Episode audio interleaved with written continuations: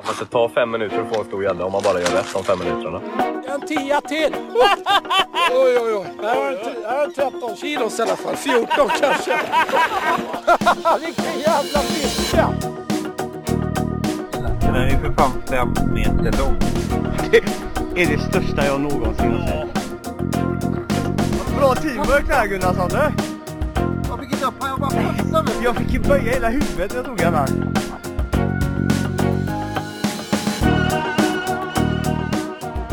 Lyssnar på Gäddpodden med Oskar Trovald och John Safaradel.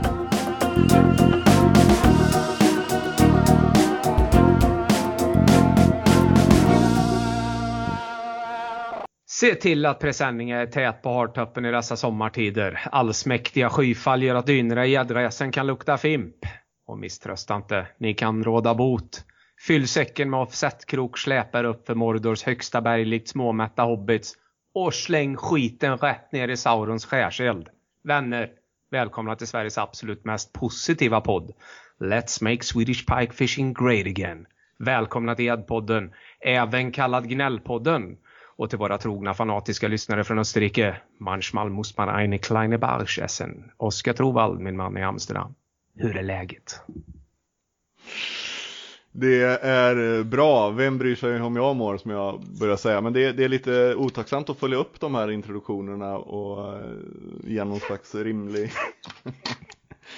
Eller eh, likväl, ja, vi, är, vi är i alla fall tillbaka eh, och vi har eh, ett tätt innehåll och som vanligt så ber vi väl um, någon slags ursäkt för att det var länge sedan sist. Um, visst John? Ja, jag kunde inte hålla mig. Det vart lite långt.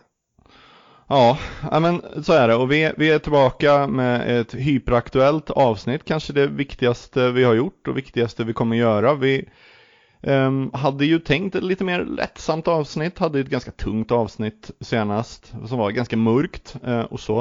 Uh, men så som det har sett ut här den sista månaden i Edfisk i Sverige på sociala medier och så, så kände vi att det var ja men utifrån den roll vi har tagit på oss, eh, ett slags ansvar vi har att göra ett program eh, fokuserat på gäddfiske i varmt vatten. Vilka risker utsätter vi gäddan för? Och eh, det har vi också, kopplat till det så har vi också bjudit in vår allra första gäst i gäddpodden och det är Petter Teblin, forskare kring gädda och gäddas beteende, kring forskare kring catch and release och en otroligt duktig gäddfiskare. Så hans medverkan kommer fylla en ganska central roll som ett stadigt mittsegment i detta avsnitt. Och eh, vi kan väl fylla, eller jag kan fylla på det här med att eh, anledningen till in Peter Tiblin eh, är givetvis för hans kunskaper men det är också för att få någon form av verifiering av vad vi misstänker. Vi dikterar ju inte Eh, de, de, hur ska man säga, de biologiska eh, aspekterna för vad varmt vatten kan åsamka, fiske i varmt vatten kan åsamka gäddpopulation, gäddbestånd i Sverige. Så det är väl bra om någon annan får uttala sig. Precis, och vi har väl ganska mycket råg i ryggen också från förra avsnittet. För av fyra avsnitt så har vi ja, nästan sammantaget så tror jag vi fått mer positiv respons från avsnitt 4 än de andra tre sammantaget och folk är trötta på längdhets, efterlekskadaver, året runt nötning av vår resurs och mängdfiskefokus och så många uppmuntrande mail och klappar på axeln. Det är många hundra skulle jag tro. Um, och det är så roligt, ni ska veta att var, varje positivt ord eh, betyder mycket för oss. Det är väldigt värdefullt för att köra vidare. Vi, jag brukar återkoppla till det här med antalet lyssningar och så också att vi hade väl egentligen inga förväntningar på eh, mer än eh, några hundra som skulle sitta och lyssna på, på oss ibland. Men eh, några hundra har blivit några tusen och totalt sett på fyra avsnitt har vi väl över 25 000 nedladdningar nu. Mm. Ett, ett, snitt på mellan ja, vad blir det, 68 000, 5 500 till 8 000 mm. per avsnitt. Och det är ändå, jag måste säga att det är över förväntan ändå.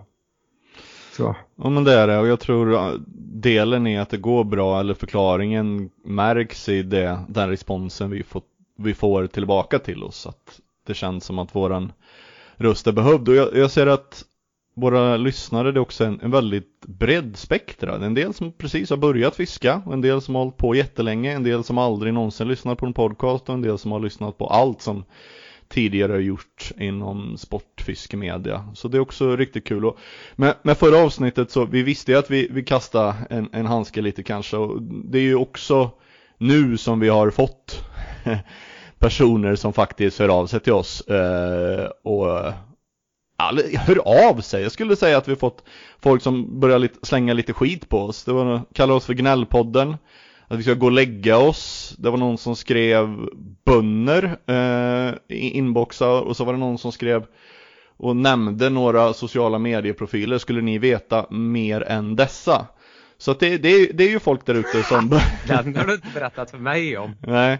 Alltså... Skulle ni veta mer än dessa? Det, nu ska vi, vi nämner ju aldrig någon vid namn här, men det hade varit jävligt roligt att veta vilka det är jag vet mindre än just ett om. Ja, Eller vet mer men... kanske. Vi får se. Ja. Du får berätta sen. Ja, men, och, och, det är väl, och en del som har hört av sig har ju sagt att det var någon som skrev att ja men vissa frågor förstår jag att man kan tycka olika och det är vi ju såklart jätteöppna för som det här med förleksfisk och sånt. Det kan man definitivt tycka olika.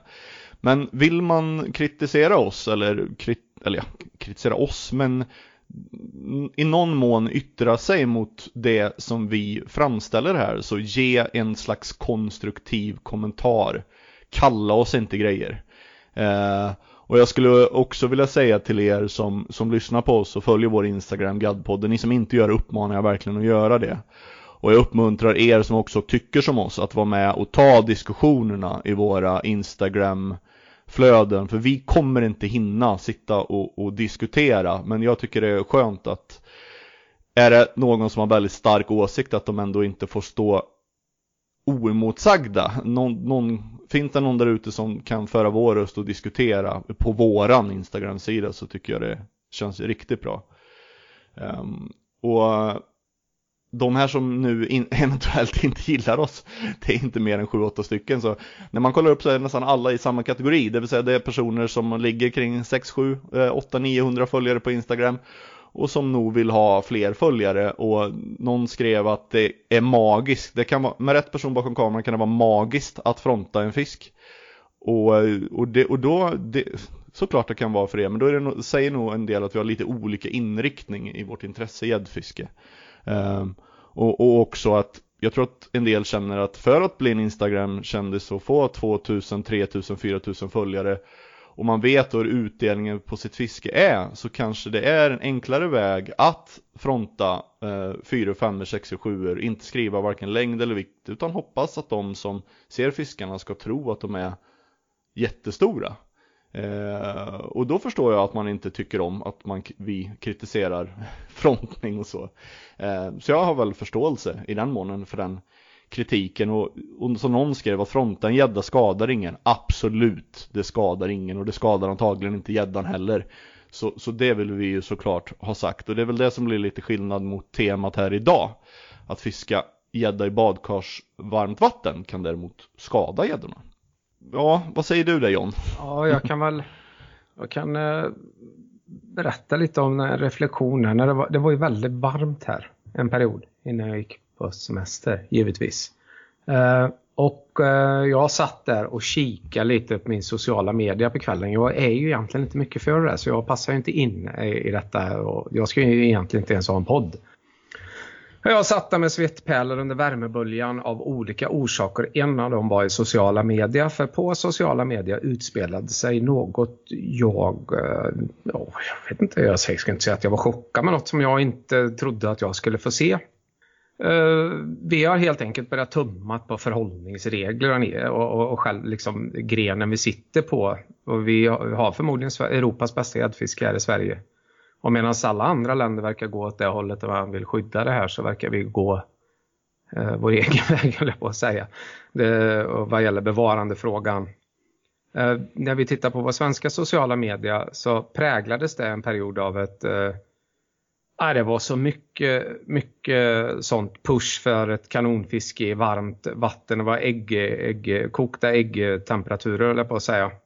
Det var 25 grader och 26 grader och någon hade fått, det var 5 gäddor och det var 60 gäddor i de här värmetemperaturerna, eller i de här temperaturerna.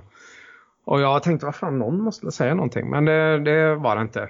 Och man talade exempelvis ogenerat om att tävlingsfiska i de här temperaturerna, vilket Ja, jag vet inte. Jag, eh, ingen sa ett skit, det var väl mest det jag eh, reagerade över. Och mitt i allt det här så har jag en annan sida. Jag, jag, jag har inte så jävla mycket eh, folk på, på Facebook, men jag har 2000 kanske. Eh, och eh, en del av dem är ju givetvis eh, från England och USA och sådär. Eh, en del profiler i England. Där rådde helt eh, omvända roller. Där satt det sponsrade sponsrade profiler och en del riktiga legender eh, inom eh, brittiskt fiske och förde någon kamp åt det andra hållet att försöka få folk som vet eh, inte vet lika bra då, och inte fiska i 25-gradigt vatten för att försöka ha någon form av bevarande aspekt vad gäller gäddfisket. Att man kan spara sig lite ändå när det är just de vattentemperaturerna. Att man ska idka försiktighetsprincip. Så att jag, jag står och tittar på det. Jag tittar på England, så tittar jag på Sverige och jag blir bara mer och mer konfunderad och funderar på vad, vad händer i fiskesverige? Och jag vet att det sitter folk där ute nu när ni hör det här. Att försvarstalen ska eka alltså för att de är, en del av er kanske är trötta på att höra sådana som mig, sådana som Oskar eller kanske någon annan diktera vad som är farligt eller vad som inte är bra för svenskt gäddfiske. Och bara, men ska vi inte fiska längre då? Och, nej, men då är mitt svar, nej, det kanske man inte ska under rådande omständigheter. Det är ingenting kontroversiellt med att säga det. Nej, vi kanske inte ska fiska under just den perioden. Um, nu, nu svävar jag ut här Oskar. Jag Nej men jag, jag, ja. jag, jag, tror att när man pratar med personer som var engagerade när svensk gäddfiske eh, verkligen slog igenom i någon slags modern eller postmodern mening kring eh, millennieskiftet, eh, bildandet av Svenska gäddklubben, det hårda arbetet för catch and release, upptäckterna av många arenor så fanns det eh, bland eh, dedikerade svenska gäddfiskare någon slags hederskodex ofta. Jag pratar med bland annat min kollega Micke Söderman som en av Sveriges duktigaste sötvattensbiologer som själv liksom, växte upp med gäddfisket i Furan och, och sådär. Och han menar att ja, men 15 grader, sen var det nästan som en slags tyst överenskommelse. Ja, men sen lägger vi av då. Sen eh, väntar vi till det blir höst igen. Och eh, hela samtalet, hela debatten kring att fiska gädda i så varmt vatten har liksom försvunnit bort. Det, det finns inget samtal och jag hör många som eh, pratar om åh vilken hård ton det är i sociala medier och på Instagram och jag, alltså när det handlar om den här frågan så kan jag absolut inte förstå det. För här kommer man ju away with murder i stort sett. Det finns ingen diskussion, jag ser knappt en kritisk kommentar. Samtidigt så är det många, eh, har vi ju märkt, som går och knyter näven i fickan. Eh, I samband med en stor gäddtävling så fick vi, alltså, kan det ha varit 70-80 meddelanden in som tyckte, ja ah, det var vad dåligt att man eh, arrangerar tävlingar när det, över 25, när det kan vara 25 grader i vattnet. Men det är ingen som säger någonting och vi fick ett meddelande som som jag tyckte var ett orättvist meddelande till oss där verkligen nu är det dags för er att visa att ni menar allvar och, och stå för det här och gå ut och döma ut detta hårt. Och nej, det, det, det, vi är ingen nationell kamporganisation på sociala medier. Vi är inte, inte intresserade av att hänga ut enskilda personer eller enskilda tävlingar. Eh, utan vi är en, en, en opinions och, och kunskapsprogram eh, eller vad man säger som, eh, som verkar genom att eh, spela in en podd. Och förhoppningsvis att personer eh, lär sig eller får intryck eller eh, reagerar eller ja i någon mån eh, agerar kanske till och med på det man lyssnar på. Och, och därför så, alla ni som knyter i fickan, alla där ute har ju ett ansvar för att frågan om gäddfiske i varmt vatten ska bli en debatt igen i Sverige och att förändringen ska ske. Och då tror jag det enda är att man faktiskt påtalar för de personerna på ett trevligt sätt att hur resonerar du? Hur motiverar du? Eh, och vilka hänsynstaganden gör du? Och fiskade du verkligen i 25-gradigt vatten? Vill man inte ha någon slags diskussion eller debatt eller förstöra en enskild individs flöde eller kommentatorsfält så kan man ju faktiskt skriva en inkormeddelande och fråga. Det kanske folk gör. Men, men jag tror att, eh, ja men John, du sa, du har väl vänner som eh, säger åt dig att vi är för, vi är för veka och slappa Ja, ja. här. Ja det, ja, det kan jag säga rakt ut att om ni tyckte att eh, min, min sen, mina senaste minuter där var någon form av, åh, nu gick han på lite. Eh, nej, jag gick inte på utan det var mest vanlig John. Men jag har vänner som tycker att jag är alldeles för mesig, att jag måste tala ut eh, och du ska göra det här och det ena och det andra och, och säga och vara lite hårdare. Samtidigt säger jag tillbaka till mina bästa vänner. Men vad gör ni själva då i så fall? Nu faller det sig så att jag kan göra min röst hörd via en podd. Ja, det kan jag göra. Men ni har ju sociala media och eh, fingrar och tangentbord. Så att det, om ni vill skicka något till någon eller sådär så kan ni väl göra det i så fall. Så man, jag tycker det är lite orättvist ibland som du säger att vi ska bära den här jävla fanan. Eh, vi lär ju inte vara ensamma och tycka det vi tycker liksom. Och det, är- det är ju jävligt känsligt. Det har vi märkt. Folk Mm. vågar väl helt en- enkelt inte eh, eh, stöta sig kanske med en del. Nej, eh, och vi har ju fått massa skärmdumpar på bilder, promobilder med inhalerade beten och brutna gälbågar och sådär. Men när man väl kollar in de där bilderna, ja men då är det ingen som har kommenterat på dem. Kanske är det att de här fångstmännen som ofta då är knutna till att man gör reklam för eh, någonting, eh, att de har gallrat bort kommentarerna, så kan det ju vara. Och då, ja, då är det väl inget mer med det, men eh, eh, jag, vill, eh, jag tappade en sak vi pratade om där, när vi, det här med den hårda tonen eh, i olika forum och då sa du att den är icke-existerande och det kan jag hålla med om. Men det är, det är ju väldigt, väldigt hård ton och väldigt otrevlig ton har varit i vissa forum när det exempelvis varit en någon gäddfiskare som har valt att, att avliva en gädda eller en eh, yngre person framförallt som har eh, kanske inte hanterat fisken på ett eh, sånt sätt som, som en del förväntar sig att man ska göra. Och istället för att, vara mer utbildande och, och ja, gratulera och sen kan man ju tipsa om gör så här nästa gång. Då har det varit jävligt hård ton. Och det är sjukt konstigt att man kan våga öppna käften och skälla på en unge som har fått sitt livs första fisk. Eller sitt livs första gädda över 5 kilo. Men man kan fan inte säga någonting när eh, någon får sin 20 gädda över 10 kilo men hanterar den som skit och har fiskat den i 25-gradigt vatten.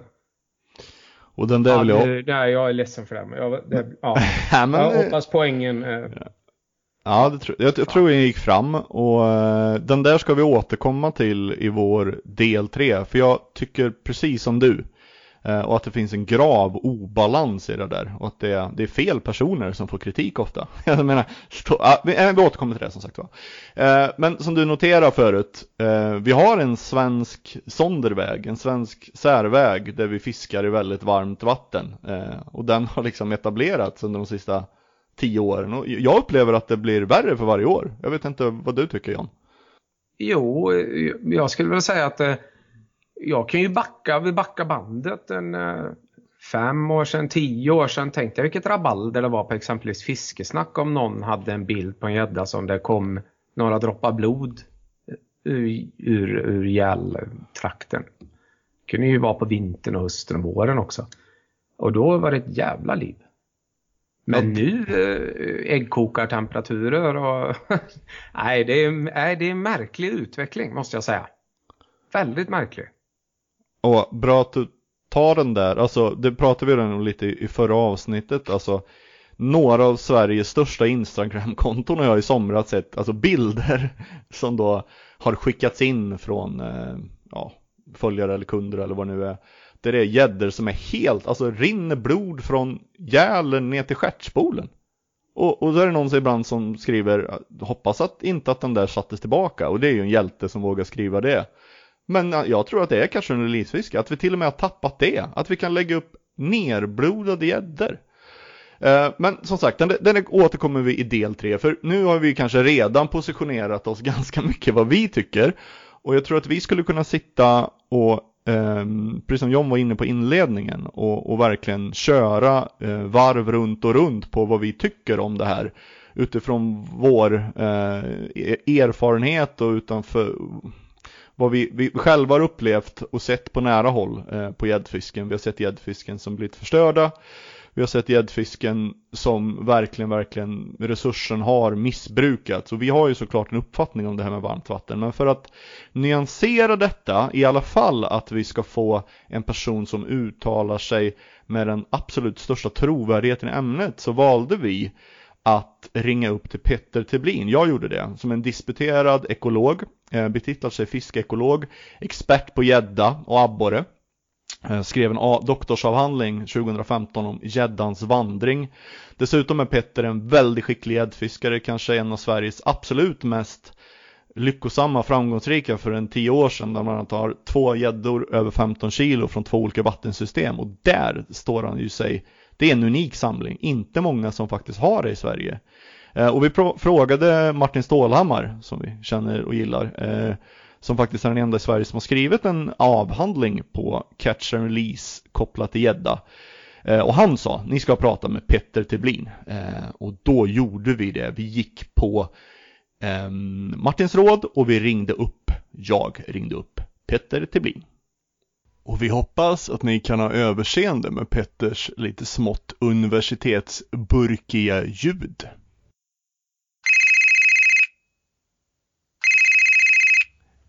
Hej Petter Teblin! Hej Oskar! Vad sysslar du med till vardags? Jag är biträdande lektor i fiskeekologi, alltså forskare vid Linnéuniversitetet i Kalmar.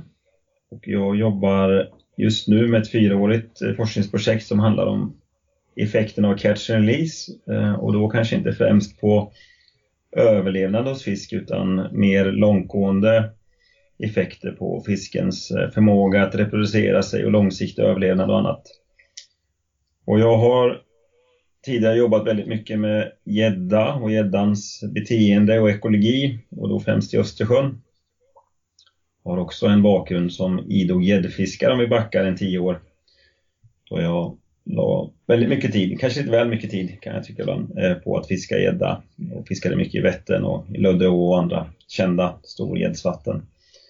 Eh, och gädda är fortfarande en del av, av de, den art som jag studerar och det är också en del i det här Catch projektet även om det också är på, på laxfisk.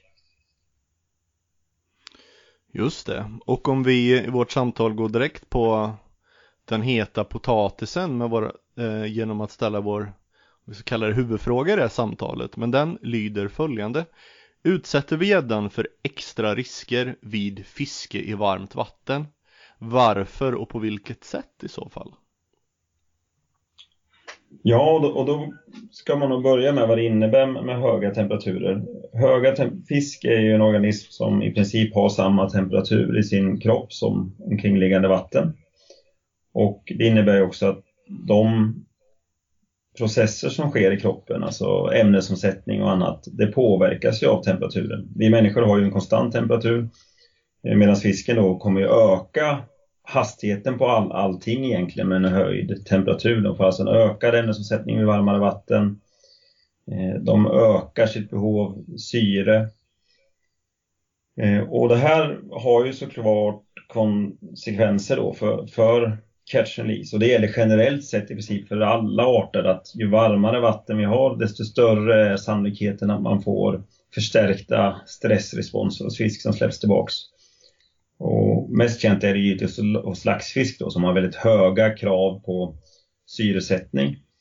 Gädda är en relativt tolerant art när det gäller syresättning och även temperaturer, men det är fortfarande så att en högre temperatur kommer stressa fisken kraftigare och det kommer tära mer på fisken. Och då kan man fokusera på olika saker som sker eh, i release och det ena är ju då vad som händer med syresättning och produktion av mjölksyra och annat.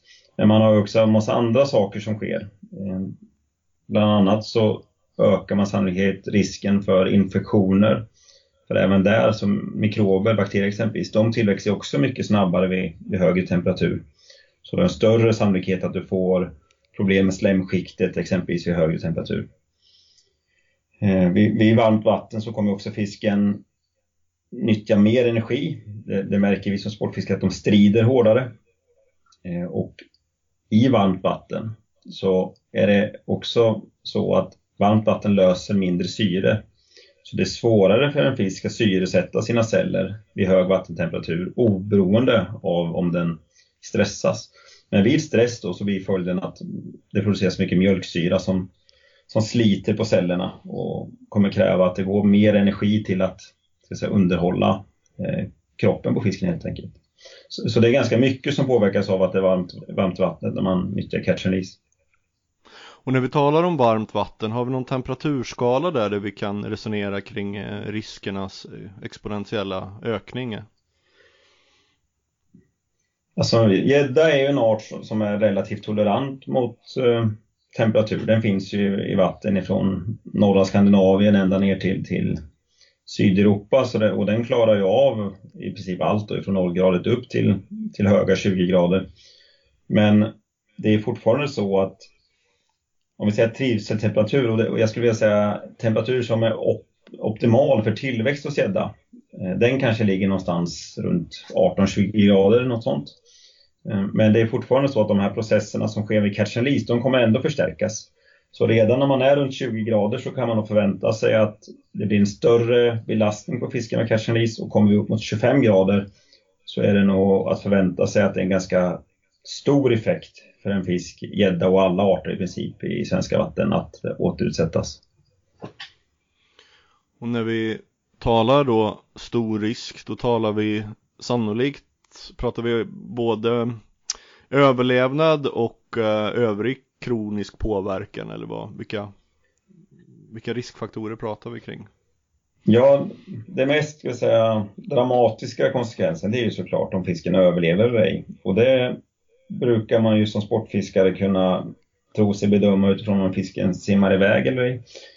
Eh, men det, överlevnad kan ju vara akut, att fisken överlever eller inte överlever själva hanteringen och fångsten så man kan släppa tillbaka fisken.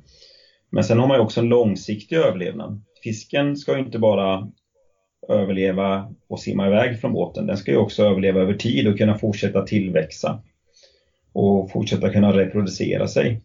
Och tittar man på utifrån aspekten att vi vill ha ett hållbart fiske på våra gäddbestånd, då är det ju det som är det viktiga. Att fisken överlever just när man släpper tillbaka den. Det spelar ju egentligen mindre roll utifrån hur fisket kommer vara i framtiden. Så det handlar om att de här fiskarna faktiskt återgår till ett normalt beteende, till en normal konkurrenskraft eh, och fortsätter tillväxa och fortsätter vara framgångsrika när de reproducerar sig. Och där eh, finns det nog en del aspekter som är lite glömda när det handlar om catch release. Det har gjorts en del forskning på, på det men, men inte så jättemycket. Eh, när det gäller den akuta överlevnaden eller överlevnaden under de första veckorna så, så, är den generellt sett ganska hög, även om den ökar med temperatur. Eh, men de andra aspekterna, man vet att tillväxt kan påverkas under vissa förhållanden ganska tydligt. Man har sett ehm, 30-40% försämrad tillväxt hos gädda i studier som har gått över sju månader nere i Tyskland. Ehm, och man vet att man får beteendeförändringar, fiskarna blir passiva efter catch and release. Och är de passiva eh, vid hög vattentemperatur så är ju fiskarna omkring dem inte passiva. De kan ju simma väldigt snabbt och röra sig mycket på grund av att, att det är hög temp. Så konkurrenskraften kommer påverkas. De blir mer utsatta för predation, alltså andra rovdjur. Och det vet man ju från andra arter. Om vi, om vi tar en parallell till bonefish som, som kanske vissa av er känner till som är en art i tropiska vatten så är det ett väldigt stort problem att de äts upp av hajar efter catch and release.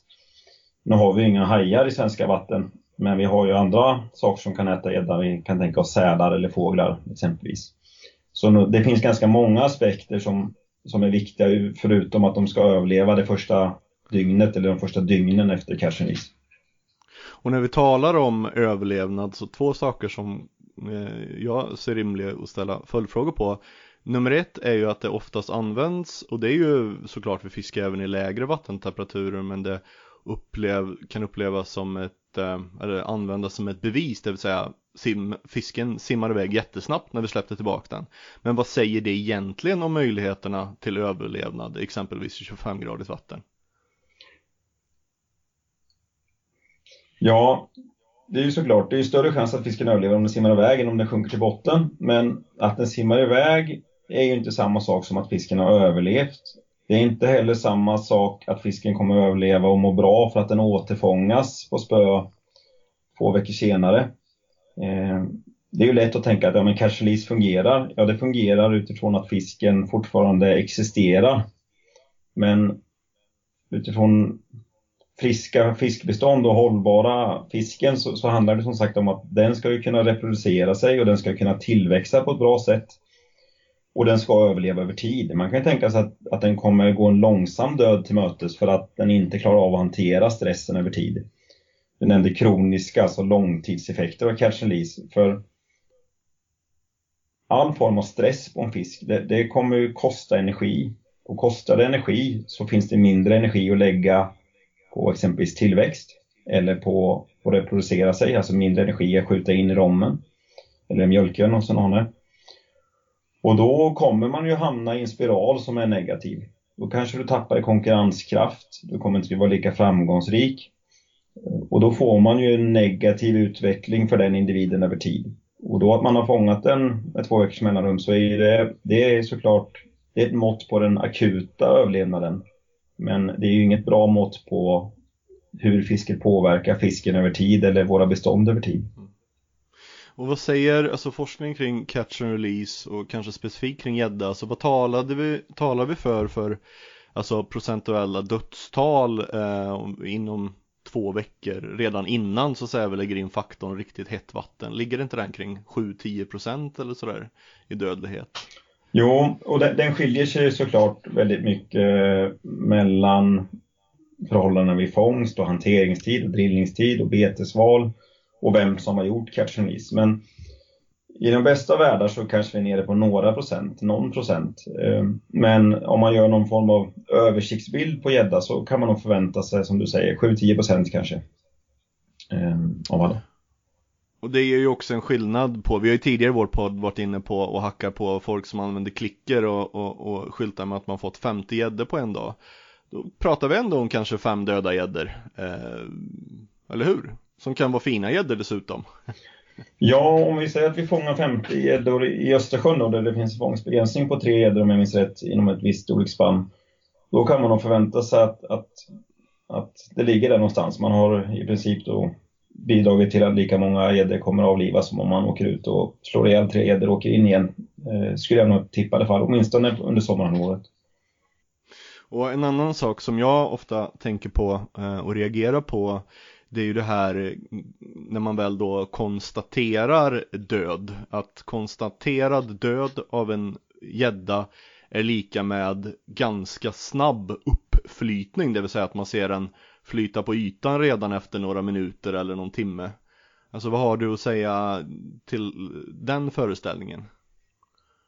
Ja, alltså fisk har ju en högre densitet än vatten. Den sjunker ju om man lägger, alltså materien är tyngre än vatten, så den kommer sjunka. Sen kommer det påverkas av gasinnehållet. Eh, dels i simblåsan, om man har gas som fastnar i simblåsan, då kommer det höja densiteten ungefär som ett flöte, så då kommer fisken kunna flyta. Eh, men generellt sett skulle man säga, om vi fiskar gädda på relativt ytligt, vilket man vanligtvis gör, det kan vara djupt i botten när fisken fångas ytligt, så, så skulle jag nog i de flesta fall förvänta mig att gäddan kommer sjunka initialt. Och sen över tid så kommer det utvecklas gas i cellerna när bakterier börjar bryta ner eh, musklerna. Och då får man gasutveckling, bland koldioxid, som gör att fisken kommer flyta upp, precis som en människokropp som har drunknat så kommer den ju oftast komma upp till ytan efter en lång tid. Men eh, att förvänta sig att om vi inte hittar en gädda flytande efter kanske så har den klarat sig. Det, det är inte ett korrekt en korrekt slutsats utifrån eh, vad forskningen visar. Och då har vi heller inte eh, tagit in det här med att döda gäddor kan punkteras av signalkräftor och fåglar väl liggandes på botten. Det har jag ju själv sett i flera fall. Ja, och generellt sett så är det så att fisk som dör ser man inte. För det kommer ju dö fisk av, av olika orsaker och skulle de alltid flyta så skulle vi se väldigt mycket död flytande fisk. Så, så generellt sett är det så att de inte kommer flyta omkring. Och flyter de omkring så gör de det oftast inte någon längre tid för det kommer komma fåglar och börja hacka på dem och kanske till och med ta med dem ifrån vattnet och sådär. Så att eh, de kommer inte ligga och flyta omkring så att man ser dem på, på det sättet. Och det är ju också, om man vänder på det, är det en ganska spännande aspekt på gäddfiske som jag själv gillar när det handlar om små dammar eller små regnbågsvatten och så att Trots att det satts i regnbåge och funnits gädda där i decennier och det aldrig har fångats någon eller aldrig flutit upp någon död så kan det ju likväl gå riktiga as där som man aldrig får reda på. Det är ju så uppenbart när man ser olika dammtömningar och så i England, vilket sker nästan varje år, eller reservoarer som torkar ut eller så, så ligger det någon liksom 40-pundare där och glor död. Eh. Ja, och det är ju, det är ju så att det finns ju studier när man har använt eh, akustisk telemetri som en metod som man kan i princip eh, exakt veta var fisken befinner sig i en, vattenmassa. Så man kan veta hur många fiskar man har i, i, en sjö eller en damm, säger vi precis var de är. Eh, och du kan åka ut och lägga beten precis där fisken är och du fångar inte en enda fisk på en hel dag. Och det kan vara så över tid. Så, så det är ofta så att det finns stor fisk i vatten som man aldrig någonsin får veta innan det, blir en, det kan bli en massdöd på grund av låga syrgashalter eller en tömning exempelvis av, av, av vattnet. Och så tror jag det är ofta. Och det är också så när man, och det ska man ha med sig, ofta så tänker man att nej men nu finns det inget i, i hårt fiskade edvatten där det fångas stor fisk, exempelvis Lödå, så fångas det stora fiskar under några år och sen är de helt borta och det är ingen som ser fisken. Ehm, och det är ingen som fångar de här fiskarna. Då är det lätt att tänka att nej, men nu har de här fiskarna dött och det har inte kommit några nya. Och så kan det såklart vara. Men det kan ju också vara så att de har ändrat sina beteenden eller de blir krokskygga eller någonting annat. Och vi har gjort en studie här i Kalmarsund nu i vår där vi gjorde spöprofisken på kusten. Det gör vi varje vår. Eh, det sker också i Stockholm inom ett annat projekt i fisk som ni kanske känner till. Och då fångade vi väldigt få gäddor i, i, i relation till vad vi har fått tidigare år och vi börjar bli lite fundersamma och bekymrade om någonting håller på att hända med beståndet, att det har sjunkit väldigt snabbt eller så. Men sen de här fiskarna som vi har i Kalmarsund, de vandrar ju ofta från kusten in i små vattendrag för att leka. Och när de vandrar in de här bäckarna eller mindre åarna så är det ganska lätt att provfiska med ryssjor som man fångar och märker och, och räknar och så. Och då gjordes det nu i våras av Länsstyrelsen här i Kalmar och då fångades det ju enorma mängder. Alltså det var en ökning istället jämfört med tidigare år, kanske fem sex gånger mer fisk i år. Trots att vi med våra spöfisken trodde att det i princip inte var någon fisk kvar. Så, så det kan ofta vara så att det finns stora och mycket fisk som man, som man aldrig ser i fisket. Och tillbaka då till varmt vatten och gäddfiske. Vi var inne på det, du beskriver ju en, en, en ökning i, i, risk när vi eh, närmar oss 20 till 25 grader. Vad, och vi har frågat en rad fiskeprofiler i vårt avsnitt här vad de har för etisk maxtemperatur att fiska gädda eller om inte annat en, en maxtemperatur när de själva tycker att det känns rimligt att eh, fiska gädda till. Eh, utifrån vad du säger, vad, vad, vad, vad, kan man, vad kan man tänka sig utifrån ditt, ditt perspektiv? Vad ser du som någon slags temperaturspann där det, det kan vara rimligt att fiska eller säga att avstå storgäddfiske om man månar om framtida bestånd? Ja, men med tanke på att man vet att, att det blir en väldigt, från att vara, det är en långsam ökning i, i, i stress för fiske med temperatur, men så kommer man då till den här, till en nivå när det går väldigt brant upp, när det går från att vara ja, hanterbart till att det blir väldigt kraftig stress och, och att det verkligen tär på fisken. Om vi säger att den ligger där någonstans runt dryga 20 grader eller kanske upp mot 25 så tycker väl jag att om man bryr sig om fisken, för det finns också en etisk aspekt. Alltså det är inte bara att vi ska behöva behålla fisket för vår, vår egen skull för att vi tycker om att fiska stor gädda utan fisken ska faktiskt må bra av det vi gör också. Eh, och som sagt kunna återgå till ett normalt beteende. Och då tycker jag man ska ha med sig det som vi brukar kalla för försiktighetsprincipen. Det är bättre att ligga, ha lite marginal mot där man kan tänka sig att det blir problematik. Och då är nog det någonstans 18-19 grader där. Då bör man vara högst medveten om, om att det börjar finnas risk för problem för fisken.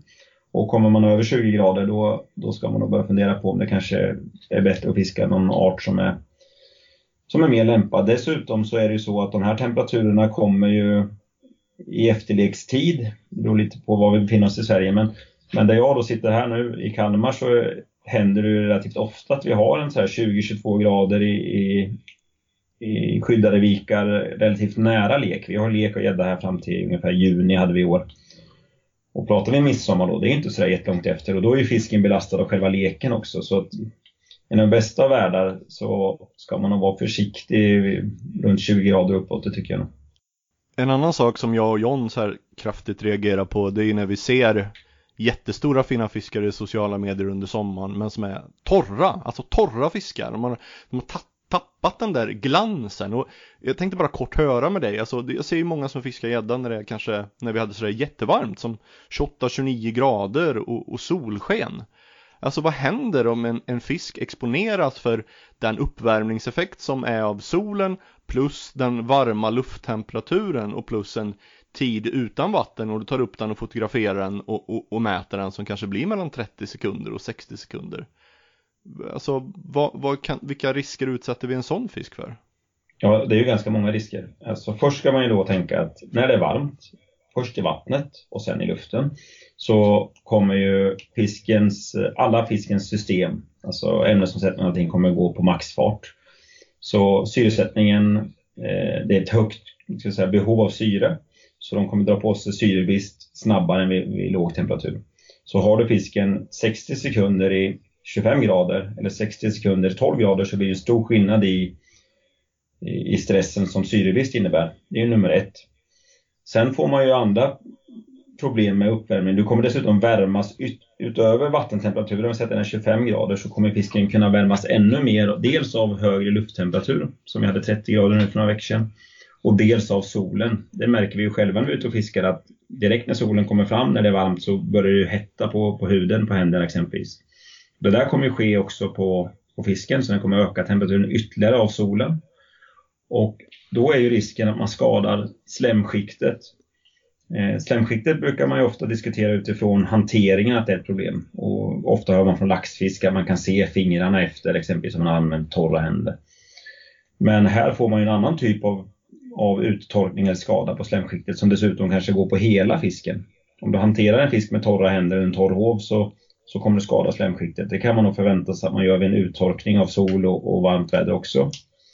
Och slemskiktet har ju flera väldigt viktiga funktioner. Dels så bidrar det till att minska friktionen mot vatten eh, när fisken simmar och vara energieffektiv när det gäller hur de simmar i vattnet. Och dels så är det ett skydd emot infektioner. Så infektionerna är ju förenade med större, en större risk vid högre temperatur som jag sa innan, med att mikroberna eller bakterierna är mer effektiva. Och då, till det så lägger man då ett sämre försvar genom ett nedsatt Eh, slemskikt. Så en fisk som är uttorkad i slemmet, det, det är ju inte på något vis någonting som är en fördel vid catch utan där kan man nog förvänta sig att det kommer ju vara en, en tydlig negativ effekt eh, för den långsiktiga välmåendet i form av tillväxt och framgång när det gäller att jaga och konkurrera och leka och så. En annan sak som vi har sett en hel del av i sommar är eh, bilder på blödande fisk. Det var någonting som man inte skulle skylta med så mycket i initierade gäddkretsar förra om åren. Men nu ser man det ganska mycket.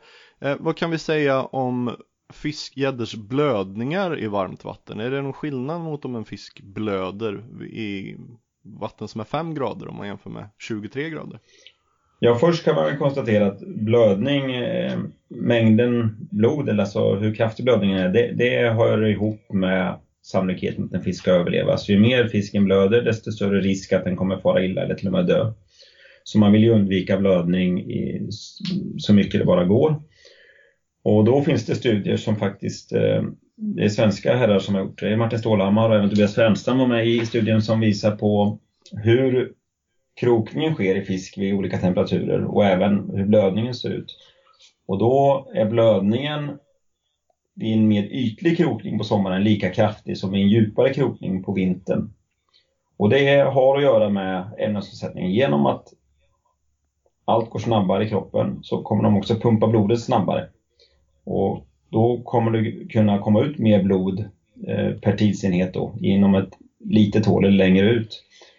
Så det är lättare, får du en djup krokning på sommaren så kommer du blöda rejält mycket såklart. Så där finns ju också ett problem då med varmt vatten, att det är större risk att de blöder mycket om du krokar dem djupt. Det har varit ett samtal fokuserat väldigt mycket på risk och eh, hänsynstaganden kring fiske i varmt vatten och samtidigt vet vi ju att en väldigt stor, den absolut största massan av oss som har gäddfiske som vår största hobby som fiskar under juni och juli månad. Väldigt många reser uppåt i landet och hittar de där vattnen i kanske fjällmiljöer eller andra miljöer med, med kallt tillrinningsvatten där man kanske har de här temperaturerna på 17, 18, 19 grader och som också har med sig medvetenheten om det här att inte fiska i gassande solsken utan som kanske fiskar en norrländsk natt. Det är ju väldigt fint. Vad, utifrån ditt perspektiv, hur tycker du att man ska fiska gädda i de förutsättningarna? Jo, men det finns ju en hel del saker man kan göra för att minska risken för att fisken får illa om man vill fiska på sommaren. Jag förstår att det är ofta då folk har semester och det finns möjlighet för, för fiske. Och, och gädda är ju en väldigt rolig art att fiska på sommaren. Det är hårda hugg och, och mycket action och så. Men det är ju några ganska grundläggande saker man, man kan tänka på. Det ena är ju val av plats som du är inne på. Man kan ju åka norrut, men man kan ju också faktiskt välja om man inte vill åka 100 mil norrut så kan man ju också välja platser i sin, sitt hemmavatten som har lägre temperaturer. I mindre sjöar så är det såklart svårt, men i större sjöar så kan man ju fiska i mer öppna vikar som ofta har lite lägre temperatur, bättre syresättning, man kan fiska på friliggande grynnor och annat. Och tar vi våra stora sjöar, exempelvis Vänern som, som det fiskas mycket gädda i, där går, brukar man kunna hitta ganska stora temperaturskillnader. Eh, och det är ju ofta så också att gäddan söker sig till lite svalare för att eh, de vill ha bättre syresatt vatten på sommaren. Så man kan ju försöka fiska, undvika att fiska grunda innestängda vikar exempelvis. Sen är det ju metoden såklart. Eh, det är ju så att beroende på hur man fiskar så påverkar det sannolikheten i hur man krokar fisken. Och om, om vi använder passiva metoder, exempelvis eh, stillasittande mete med naturligt bete exempelvis, så är det en större risk för djup krokning, vilket då är problematiskt. Samma sak om vi fiskar med kanske små beten. långa vevstopp som man då gör på, på vintern eller i kallt vatten. Den typen av metod som såklart kan vara effektiv även på sommaren ska man kanske försöka undvika. Eh, så ganska hög hastighet på fisket och stora beten är ju att föredra för att man ska ha en, en krokning så långt ut i, i käken som möjligt. Ehm, så det, det, finns ju en, en, del man kan göra. Sen det kanske på sitt sätt viktigaste det är väl att som jag tycker, det, det, när det är varmt i vattnet så kan man ju verkligen försöka att minimera eller till och med undvika att hantera fisken. Kroka av fisk i vattnet, eh, avstå, väga och mäta och fotografera i största möjliga mån och, och liksom han, Hantera inte fisken i båten om man inte absolut måste för att få bort kroken. Man kan fiska hullinglöst. Man kan fiska med en trekrok istället för tre trekrokar exempelvis. Sen är det också det här med krokstorlek, det har vi inte kommit in på, men krokstorleken påverkar ju också ingångshålet och sannolikheten till blödning. Så en stor krok eh, har potential att göra större ingångshål och då en större blödning. Så mindre krokar kanske är att föredra. Eh, man kan också tänka sig att man ska vara medveten om att om en krok sitter illa på en fisk, istället för att hantera den väldigt länge för att ta bort kroken så kan det i många fall vara bättre att knipsa kroken. Lämna, för den kommer fisken stöta ut. Den kommer dessutom sitta som ett stopp i utgångshålet som minskar blödningen. Så sitter en, fisk, en krok illa till så hade jag definitivt eh, föreslagit att man kapar skänken på kroken så att det sitter kvar en liten krokbit så kommer fisken eh, normalt sett stöta ut den ganska snabbt. Bra, Petter, vad, avslutningsvis så tycker jag det är värt att nämna, du arbetar ju på Linnéuniversitetet och ni som lyssnar här som faktiskt är intresserade av att rent utbildningsmässigt eller på lång sikt yrkesmässigt vilja fördjupa sig i sportfiske och kopplat till eh, fiskars biologi och välmående så har ni, ni bedriver utbildningar ganska anpassat för det. Ja, vi har en ganska stark eh, profil mot fiskeekologi på Linnéuniversitetet när det handlar om ska säga, vanlig universitetsutbildning i biologi. Men vi har också nu i våras för första gången eh, öppnat en kurs som heter Sportfiske och fiskevård. Och det är en kurs som läses på distans med grundläggande behörighet. Så det är alltså ingen, ingen kurs som man behöver ha eh, jättestark meritering innan för att komma in på. Och den fokuserar ju väldigt mycket på det som vi har pratat om idag. Catch and lease, eh, vad finns det för möjligheter och för eventuella problem? Varför vad har vi för faktorer som påverkar storleksfördelningen eh, hos fiskbestånd? Och det är inte bara gädda utan det handlar ju om, om många olika arter. Det är abborre och det är laxfisk och, även cyprinider, alltså karpfisk. Vilken typ av vatten ska man kanske leta efter för att hitta större fisk och olika arter och annat? Så det tror jag är en kurs som många sportfiskeintresserade skulle tycka var, var rolig. Den kommer öppnas för antagning nu här i september, oktober tror jag och sen kommer kursen läsas i, i mars till juni 2021 eh, på distans då. Tack Peter! Tack Oskar! Då vill vi inledningsvis tacka Petter här i etern för att han tog sig tid två gånger om att prata med podden i ett ämne som, med ganska kort varsel också ska vi säga, i ett ämne som, för vi tyckte det kändes så angeläget och han tycker även såklart utifrån sitt forskningsperspektiv att det är ett angeläget ämne. Och vi hoppas att vi har anledning att återkomma till Petter och hans superintressanta forskningsresultat i de catch and release-studier som kommer bedrivas under, under kommande år. Vi, vi tror väl båda två att när vi kommer till de här känsliga frågorna där det krävs en viss expertis för att lägga tyngd och vikt vid argument så kommer vi väl luta oss mot eh, någon form av expertis framöver. Vilket innebär intervjuer eh, etc. Absolut, en, eh, en kombination att ta hänsyn till eh, relevanta forskningsresultat i en blandning med sunt förnuft och hänsyn så tror jag vi kommer, kan komma ganska långt i svenskt gäddfiske i riktning mot något som kan vara hållbart och vara jättefint och bra även om 10 och 20 år. Eh, för det, det, det, kommer behövas och det, det, är lite svårt att sammanfatta och, och följa upp en sån här eh, intervju med en så kunnig person som lägger fram så många trådar man, eh, som man kan följa upp eller är svåra att följa upp men jag, inledningsvis kan vi väl ändå konstatera så här att vi det hade man också kunnat göra innan men vi bör alltid, vi som fiskar gädda, börja vara väldigt, väldigt ödmjuka inför att vi utsätter gäddor risk om död och risk om lidande när vi fiskar. När vi har ambitionen att sätta tillbaks den. Och att den risken, den finns alltid där oavsett vad det är för vattentemperatur. Men som Petter är så tydlig med, när vattentemperaturen kommer över 20 då ökar riskerna för fisken ganska snabbt när temperaturen blir 22, 23, 24, 25 om man ser att risken var ganska långsamt ökande från 10 till 11 till 12 till 13 till 14 till 15 till 16 till 17. Och, och det är ju något sånt där, en devis som vi har att ta ställning till. Gäddfiske till varje, repli, eh, till varje pris och catch and release till varje pris.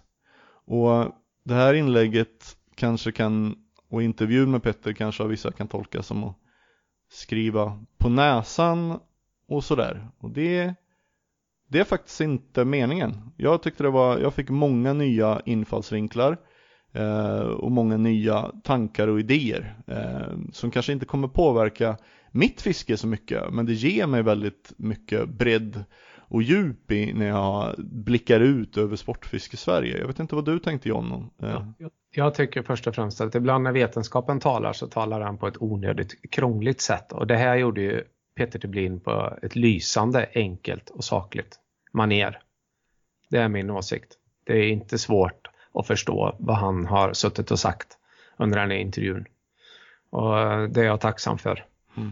Um, Och sen är ju vi också, vi är ju ödmjuka inför att vi talar ju för väldigt många här som redan har grund, de här in, eh, insikterna som Peter kan eh, dränera från forskningsresultat och så. Många av er som lyssnar här, ni vet ju redan det och fiskar utifrån det och jag tycker det är, det är alltid intressant när vi gör de här polsen bland er lyssnare.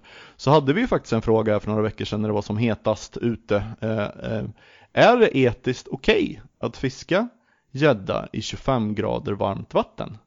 Och jag var på allvar både nyfiken och lite så oroad för vad, vad kommer svaret att bli? Men jag kände mig glad och trygg i att 81% av en bit över 500 röstande eh, tyckte att nej, det är inte etiskt okej. Okay. Sen har vi 90%, 19% som tyckte det. Och för de 19 procenten som kanske har lärt sig gäddfiske mycket genom att titta på sociala medier eller som kanske inte, och det har jag en otroligt stor förståelse för att man aldrig har nåtts av den här typen av kunskapsförmedling tidigare. För jag tycker vi alla, jag själv som sportfiskeskribent och, och, och tidningar, eh, sportfisketidningar och vi övriga som del i sportfiskemedia har gjort, tagit väldigt lite ansvar i den här frågan. Så förhoppningsvis så kan eh, eh man ändra ben och fot här också. Även fast man i en sån undersökning, i en poll faktiskt, och alltid tyckt att ja, men det är väl okej okay att fiska 25 grader, aldrig gjort något annat. Och ser en del personer som jag ser upp till som kör stenhårt i 25 grader varmt vatten. Ja, jag måste ju säga till mig själv. Eh, man har inte gjort rätt från början. Och för de som tror att, eh, jag hoppas verkligen, jag tror att jag har poängterat det här sedan avsnitt ett. Att eh, jag, sätter, jag tror inte att Oskar gör det heller, men jag sätter mig absolut inte på någon pedestal och säger att jag kan allt, vet bäst eller har gjort bäst. Jag ska återkoppla här till vad gäller vattentemperatur. Några av er Uh, läste nog en artikel som, som jag skrev uh, för ett, ja, det är över tio år sedan som heter Turbo Jerk. Anledningen till att jag tar upp den här hela tiden är att den blev väldigt populär och jag fick alltid så här massa propåer via Facebook och, och vet, sms och sånt. Och det är en klassiker. Ja, det, ja, enligt dig ja. Men den var bra. Alltså, jag tycker själv att den, är, att den är spännande och bra för att det var ett jävla bra fiske som jag återgav. Det fisket företogs under sommaren. Eh, tidig sommar.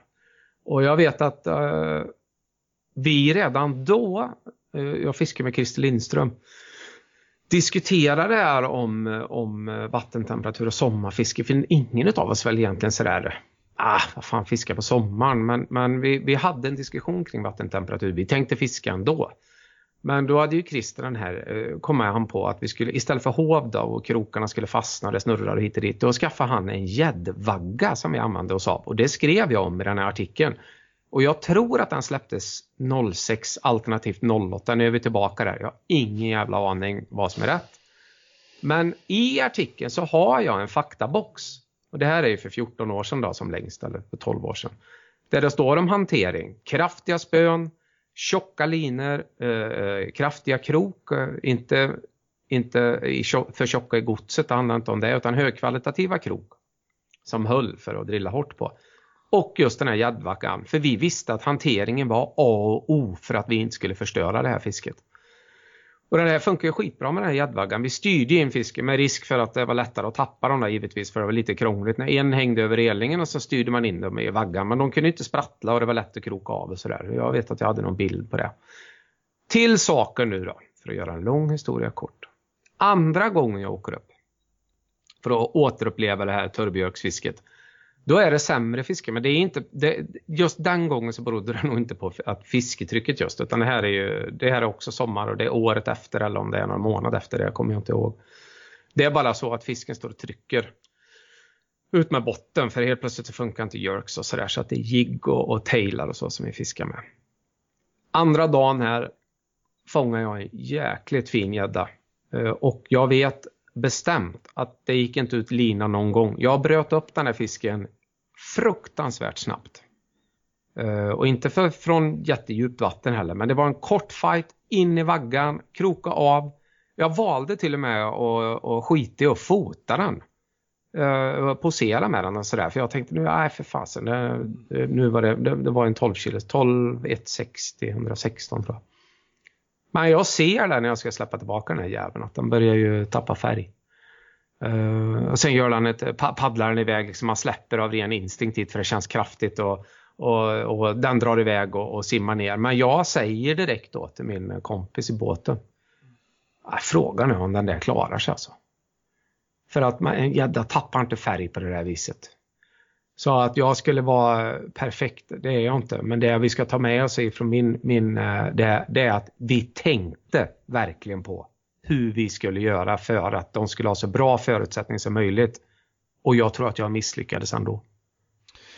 Och den knyter ju ganska mycket till det i intervjun där jag var ganska gåpåig. Jag har ju, det är tydligt att jag har en egen eh, övertygelse och det är mm. just det där med med eh, död, att konstatera död på en gädda, det pratade jag om i förra avsnittet också.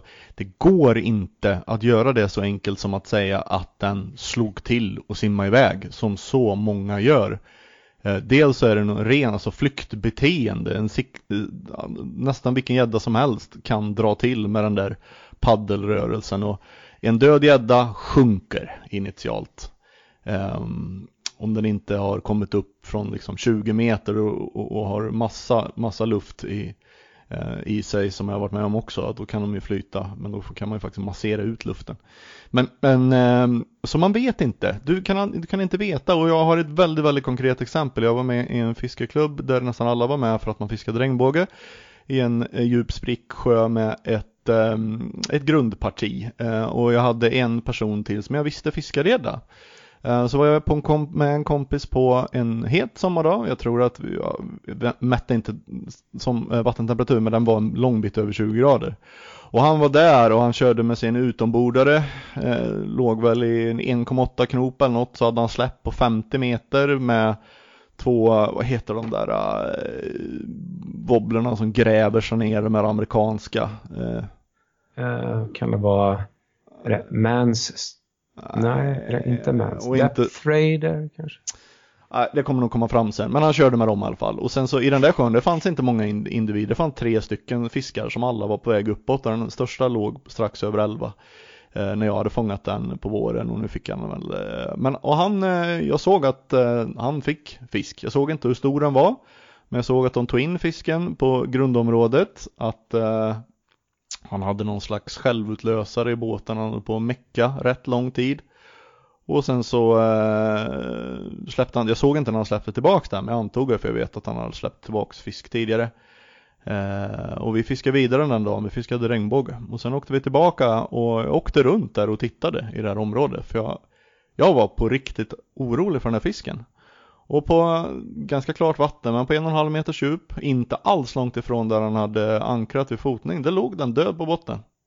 Helt stendöd. Jag petade på den med spöet, jag fick inte upp den. Sen hörde jag av mig, jag och min kompis, och tyckte att han skulle, vi fotade, man såg det, jag tyckte att han skulle komma och hämta den. Kom och ta hand om den här fisken. Eh, men det gjorde han inte. Och det var faktiskt en gubbe i klubben sen som tog upp den och körde hem den till honom. Eh, jag vet inte om du lyssnar nu, men han hade dåligt samvete och ändrade sitt beteende därefter. Men det, det, jag har varit med om de här små vattnen med så få individer. Och, och det här tuffa sommarfisket och den här hanteringen som inte kanske är bra. Och det, som John säger, även om hanteringen är perfekt så kan det gå åt helvete. Och en viktig poäng här var ju att fångstmannen innan han fick reda på att fisken var död sa att den var hur pigg som helst och simmade iväg som ett skott ner i vattnet. Och det var ju bara en tillfällighet att vi såg den. Hade han släppt den över 20 meters djup och den hade sjunkit ner död där, hade vi aldrig haft någon aning om det utan vi hade bara gått och saknat fisken helt enkelt. Jag skulle faktiskt vilja fylla i det här. För jag, eh, Ja, jag kommer inte, jag berättar inte hela, jag berättar inte rätt där med den här gäddan. Så här var det, den paddlade iväg eh, och jag släppte den och eh, den låg inte fel, den kom tillbaka, alltså inte kom tillbaka som en jävla hund om man matar med en kurv utan den, den eh, liksom flöt uppåt. Jag fick tag i fisken igen och bestämde mig för att vi måste göra någonting med den här då. Så vi åkte direkt in till stranden där det låg på en massa vågor. Sen ställde vi den typ i en form av vagga. Det här är helt sjukt. Eh, för att han skulle få uh, vila och återhämta sig. Och, så, och den stod fortfarande på rätt köl så att den får väl stå där då. Och sen uh, efter några minuter så, så ja, den stod kvar så jag visste inte vad, ja, vi, ska, vi kan inte göra mer liksom än att dra den fram och tillbaka och gjort det där. Så att vi åkte ut och när vi kom tillbaka Uh, vad var det, en kvart, en halvtimme senare eller någonting, så hade den ju simmat iväg då. Den låg inte där på grundvatten. Men, men jag tror väl ändå att, nej, eh, vår konstgjorda andning där var nog, han simmade iväg och dog kanske. Men just att jag mindes inte hela den där sekvensen rätt. Men jag, rätt ska vara rätt. Så var det det gick till. Mm. Och nu hamnar vi där igen, ska vi inte fiska då? Alltså grejen är att det här handlar inte om, om, om sommarfiske efter gädda. Det handlar om sommarfiske i vattentemperaturer som är upp mot 22, 23, 24, 25 grader och över. Alltså jag fattar ju att folk som är lediga på sommaren vill fiska den art man allra mest gillar att fiska. Det är en full, liksom fullständigt självklar instinkt att vilja göra det. Men vi har ju som sagt alla vi som fiskar och ju mer eh, av vårt gäddfiske vi kommunicerar eh, ju mer vi når ju större ansvar har vi. Och när det är sådana här höga gäddtemperatur, gäddfisk, vattentemperaturer och det, vi bryr oss om gäddorna och vi bryr oss om gäddfiskets framtid. Så finns det så goda skäl att avstå och fiska gädda. Och, och, seriöst i Sverige i vattnen, säg i Svealand här alltså hur många veckor om året har vi vattentemperaturer över 22-23 Alltså det handlar ju om att kanske avstå under en väldigt begränsad tid. Och vi har ju för 17 så många andra fina sötvattensarter. Jag blir så glad när jag ser många profiler som kör stenhårt nu under de här veckorna och kör abborre, de fiskar gös, de fiskar, de fiskar karp, de kör sutare, alltså de har bredden i sitt fiske. Mm. Och, och det företaget de promotar har bredden i produkter och, och alltså man kan ju vara en sportfiskeprofil på social media och samtidigt vara ett jättebra föredöme. Det finns ingen motsatsförhållande i att företräda en kommersiell aktör och inte vara ett bra föredöme. Det, det, man har alla möjligheter till det. Och det är just det som vi är inne på när vi pratar om små hemmavatten. Det kan man ju se som till er som inte reflekterar så mycket över det här. Det är ju fan, det är nästan det bästa fisketipset vi kan ge. Om du älskar att fiska i det här hemmavattnet där det finns få individer, du älskar att fiska på vår, du älskar att fiska på höst eller på milda vinterdagar och ismeta. Och du vill fånga de där gäddorna när de är som störst och du vill att de ska ta så liten skada som möjligt. Avstå då de där heta veckorna. Det är en liten uppoffring. Både för gäddans skull och för din egen skull och för övriga som är intresserade av storgäddefiske i det vattnet. Nu, nu låter det som vi, nu hör jag på mig själv att det låter som vi moraliserar men det alltså vi är inte representanter för ett märke som till exempel då skulle tillverka någon slags långsamgående wobbler som bara är bra i kallt vatten och vi gör inte det här för att vi vill desperat med klor försvara något specifikt eget vatten eh, som vi vet och som fiskar vi själva när det är varmt för att vi blir av med andra. Det här gör vi bara för storgäddefiskets skull och det svenska storgäddefiskets framtids skull. Det är en litet hänsynstagande och en liten uppoffring för att göra vad vi kan för en, en art som är hårt pressad otroligt hårt pressad i, i marina ark arkipelagiska miljöer och blir allt mer pressad i många stora svenska sjöar och, och på många andra ställen också. Så att eh, det, det, låter nästan som en slags vädjan och det är väl i, i någon mån men det är en, vä, en, en, en vädjan baserad på god vilja och ödmjukhet. Nej, sen är det ju små, vissa detaljer här eh, eh som också särskiljer nu från eh, fem, fem år sedan. Det är att man ska fiska med små beten, man fiskar med beten som som är lätta att inhalera och suga in för en gädda och sådär. Och det spelar också en jävla roll alltså. Eh, stora flugor exempelvis eller, eller mindre tailar eller gummibeten som viker sig då när, när gäddan de sätter ju sig, om det är en sån, ett sånt take som det oftast är i sommarvatten, de sätter ju sig väldigt, väldigt djupt på en stor gädda. Det ska man inte komma ifrån. Så i det, I det fallet är det ju bättre att ha ett stort jävla träbete. Det fiskar inte bara bättre, för jag är helt övertygad om att det gör det. Eh, det krokar på ett skonsammare sätt också. Det så ju... det är så många, jag vill bara, mm. det, det, är så många parametrar på en gång för tillfället. Som gör att vi är tvungna att vara gnällpodden. ja, i ett avsnitt till i alla fall. Men det, Mm.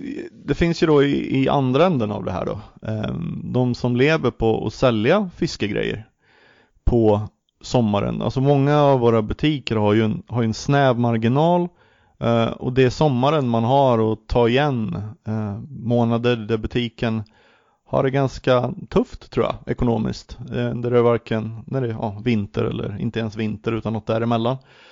Um, och, och, det, och, och visst, så kan det ju vara, men jag tycker ju Jag var faktiskt i en sportfiskebutik i Uppsala här för att- jag var så seriös, jag gjorde en fältstudie på en timme och jag pratade även med dem i butiken just kring det här och de, man ser ju och hör de som är där och köper i en sån vanlig sport, sån sportfiskebutik att de är där, ah, det är Svenssonfiskarna som är där och handlar. Vi vill fånga något, vi vill ha en spinnare, någon ny lina på rullen eh, för att fånga, ja men gös eller abborre eller gädda. De, det är inte dem vi pratar, vi, vi vädjar till här. De kommer vi aldrig komma åt, eller komma åt, men de, de kommer ju fortsätta och, och fiska bara för att få ett napp och det är de, den här butiken jag pratar med som menar att det är 90% eh, av sommarintäkterna, det baseras på annat än specifikt gäddfiske. Det här med multirullar och eh, stora tailbeten och annat. Ja men det, det är en väldigt liten del av omsättningen på sommaren. Sen kan det säkert finnas andra nätbutiker och så som har det som en mycket större del. Men det, det, det, kan, det är ingen absolut motsats så som jag ser det eller när jag pratar med butiker att det finns ju så många andra fiskarter och så många andra fisken att promota och marknadsföra hårt med, med arter som tål värme så mycket bättre och som inte är lika hotade och utsatta eller vi har ju inte ett enda break numera för gäddorna under ett år på många vatten.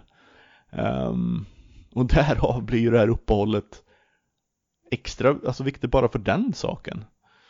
Vi kanske ska återknyta till det vi pratade om i inledningen här också. Jag och Oskar pratade lite om eh, folk, om attityden i sociala medier framförallt. Då. Men det är ju det som är så intressant att eh, sommaren är ju tiden för, eh, för inom citationstecken Svenssonfiskarna och kidsen att få komma ut och, och kanske fånga sitt livs första gädda. Och, och, så, och så är det och det är fantastiskt. Och sen ska de, där kan det finnas människor som ska lägga krut på att trycka ner Arvid, eh, 16 år, som har fångat sin 5 kilos gädda och ska ta med hem och visa mamma och pappa.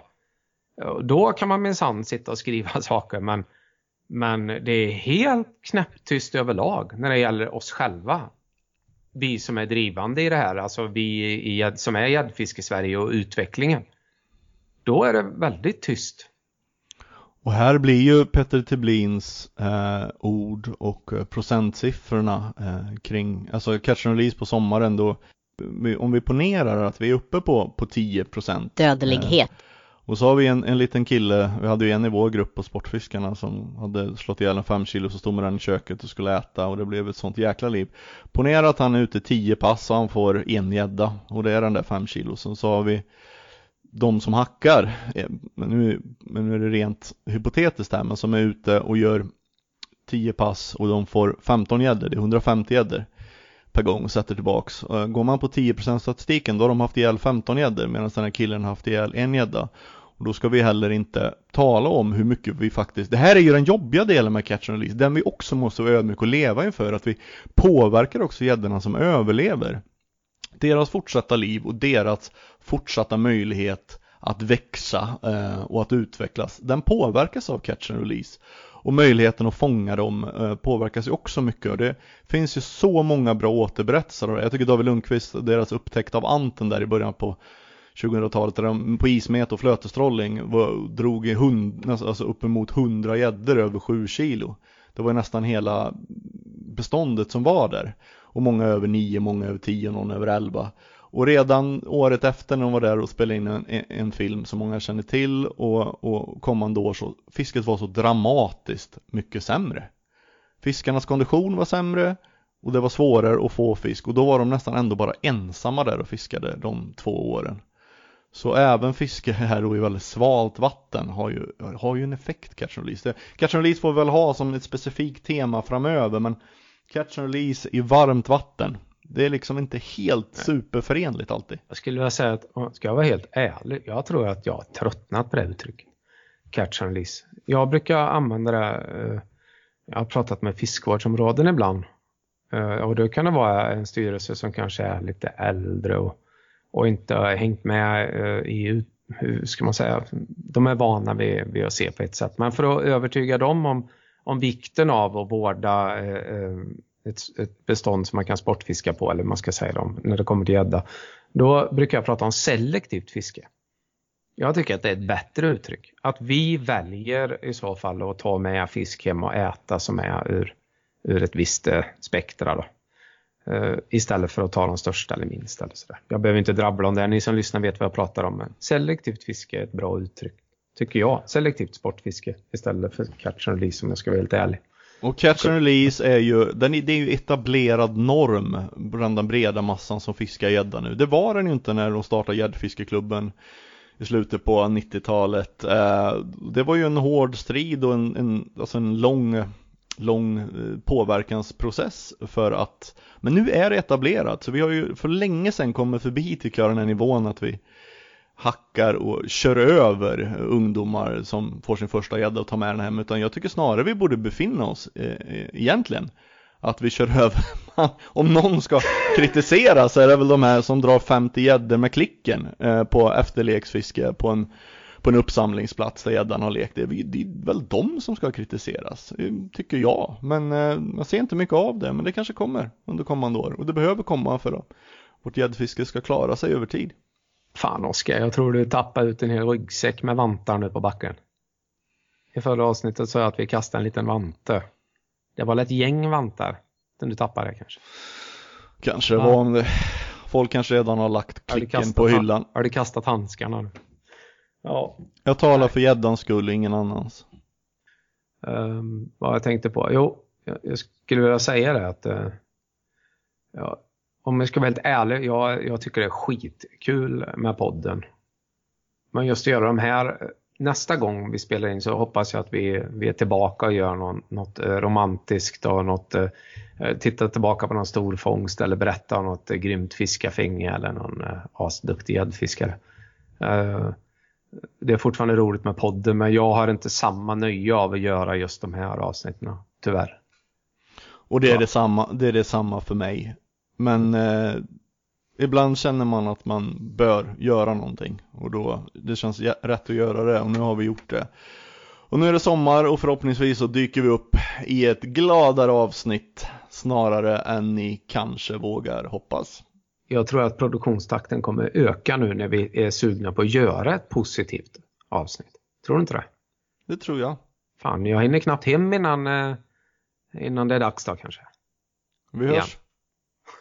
嘿